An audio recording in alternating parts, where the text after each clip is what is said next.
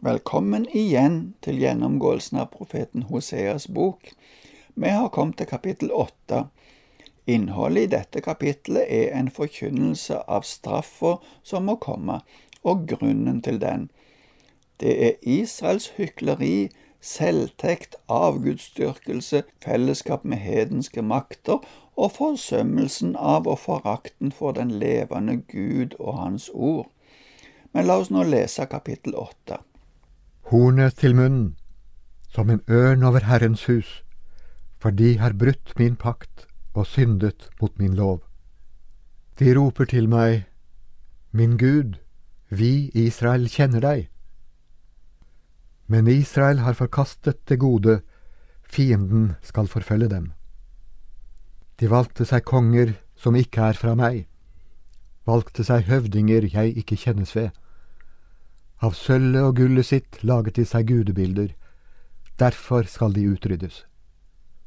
Kast ut kalven din, Samaria. Min vrede flammer mot dem. Hvor lenge skal det vare før de kan bli rene? De er da fra Israel, men den er laget av en håndverker, og noen gud er den ikke. Sannelig, til splinter skal den bli, Samaria-kalven. For vind sår de og storm skal de høste. Kornet skyter ikke aks og gir dem ikke mel, og gir det mel, spiser fremmede det opp. Israel er oppspist, nå er de lik et kar som ingen bryr seg om blant folkene. For de dro bort til Assur lik et enslig villesel, Efraim kjøper seg kjærlighet. Selv om de kjøpslår med folkene, vil jeg nå drive dem sammen. De skal vri seg en liten stund, under storkongens byrde. Efraim har laget seg mange altere til syndoffer, altere som er blitt til synd for ham. Skriver jeg mine mange lover, regnes de som noe fremmed. Som offergaver til meg ofrer de kjøtt og spiser det. Herren bryr seg ikke om dem. Nå vil han huske deres skyld og straffe deres synder. De må tilbake til Egypt. Israel glemte sin skaper og bygde seg slott. Juda bygde mange festningsbyer, men jeg vil sende ild mot byene hans, den skal fortære borgene deres. Hornet til munnen er et uttrykk for en viktig kunngjøring. Ørnen er en rovfugl som stuper over byttet sitt. Israel gjorde som mange gjør i vår tid, de stolte på at deres gudsdyrkelse ville holde, og at Gud ville komme dem til hjelp. Men deres gudsdyrkelse var bare i navnet og ikke av et helt hjerte. Derfor må Gud forkynne dommen. De har forkasta det gode, og derfor vil fienden forfølge dem. De har valgt seg konger, står det, det kan være en hentydning til det politiske kaoset som var på Hoseas i tid, da fire konger ble myrda i løpet av 20 år. Samaria er hovedstaden i Israel og henviser her til hele riket og de gullkalvene som Jerobom den første setter opp i Betel og Dan. Det blei sagt at de representerte Gud på samme måte som den gullkalven som Israel laga seg i Sinai. Disse gullkalvene skal splintres på samme måten som det som skjedde på Sinai. Gullkalvene er ikke Gud. Far ikke vil, Gud lar seg ikke spotte.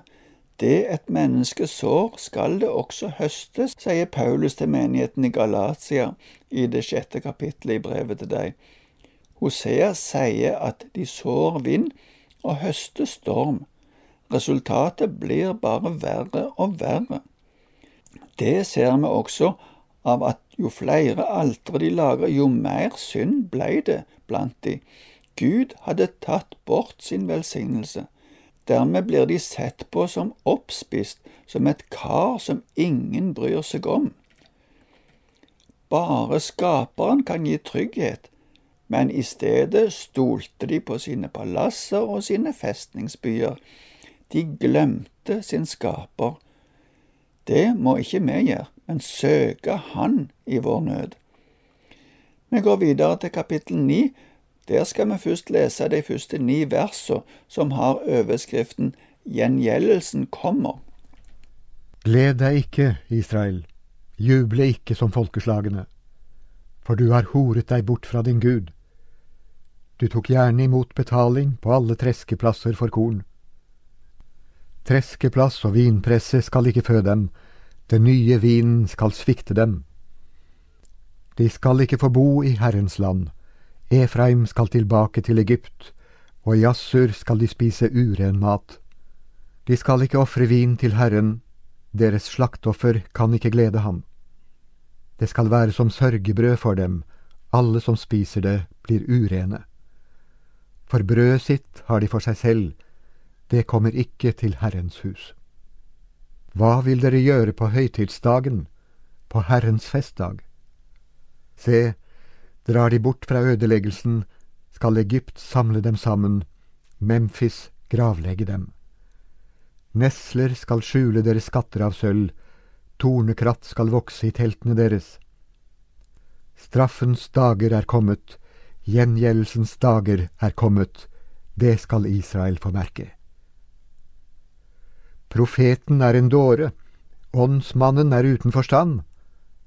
Ja, fordi din skyld er så stor og ditt fiendskap så sterkt. Profeten er Efraims vokter, sammen med min Gud, men snarere er det på alle hans veier, fiendskap i hans Guds hus. De er blitt like dypt fordervet som i Gibeas dager. Han skal huske deres skyld og straffe deres synder. Kanskje dette er talt i forbindelse med en høytidsfest, gjerne en høstfest, som for eksempel løvhyttefesten.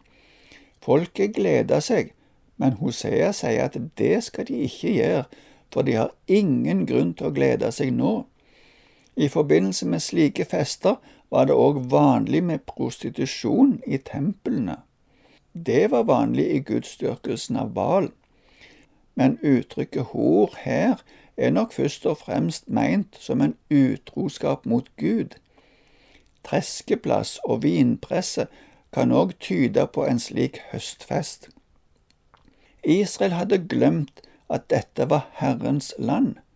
Det vil si et land der de var befridd fra slaveriet og avgudsdyrkelsen.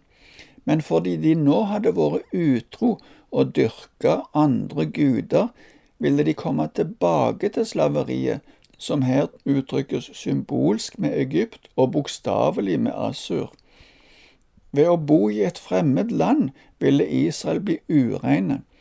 Det er en kulturell sammenheng mellom disse begreper, for i jødisk forståelse var alt de spiste, velsignelser ifra Gud.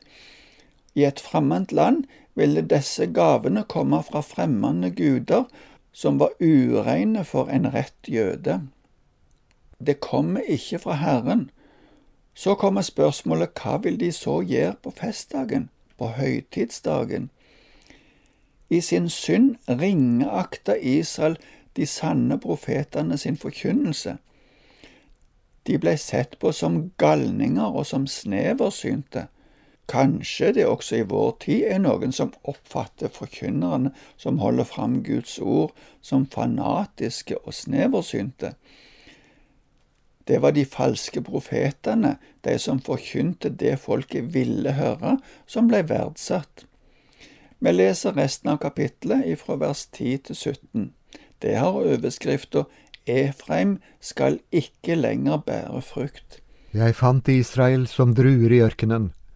Jeg så fedrene deres som tidlig frukt på fikentreet.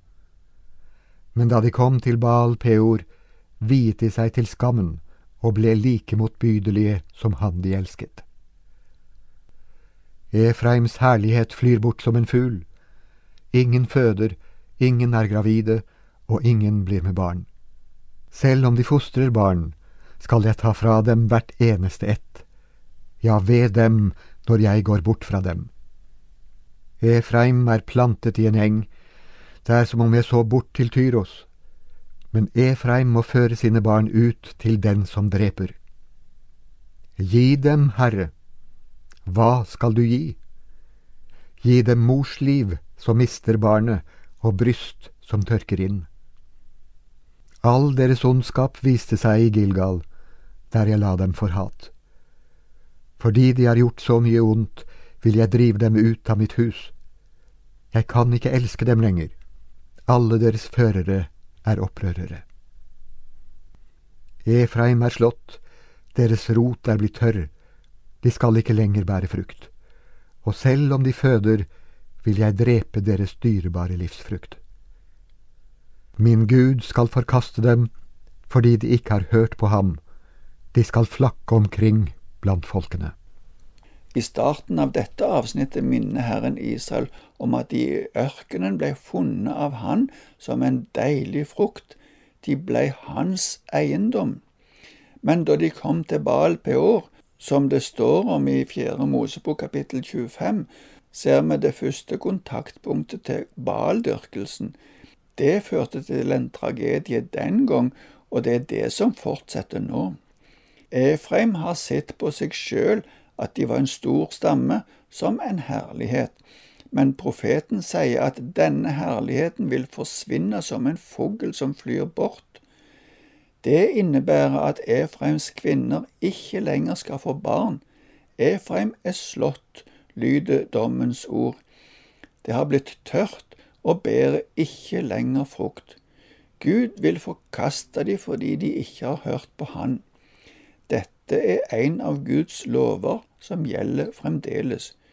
Gud sendte sin sønn til verden, og i Johannes evangeliet kapittel 3 vers 18 sier Jesus, Den som tror på ham, blir ikke dømt. Den som ikke tror, er allerede dømt fordi han ikke har trodd på Guds enbårne sønns navn. Det må ikke skje for meg og deg. Derfor er det viktig å tro på Jesus. Da vil vi unngå å bli dømt. Det får være det vi slutter med i dag. Herren være med deg.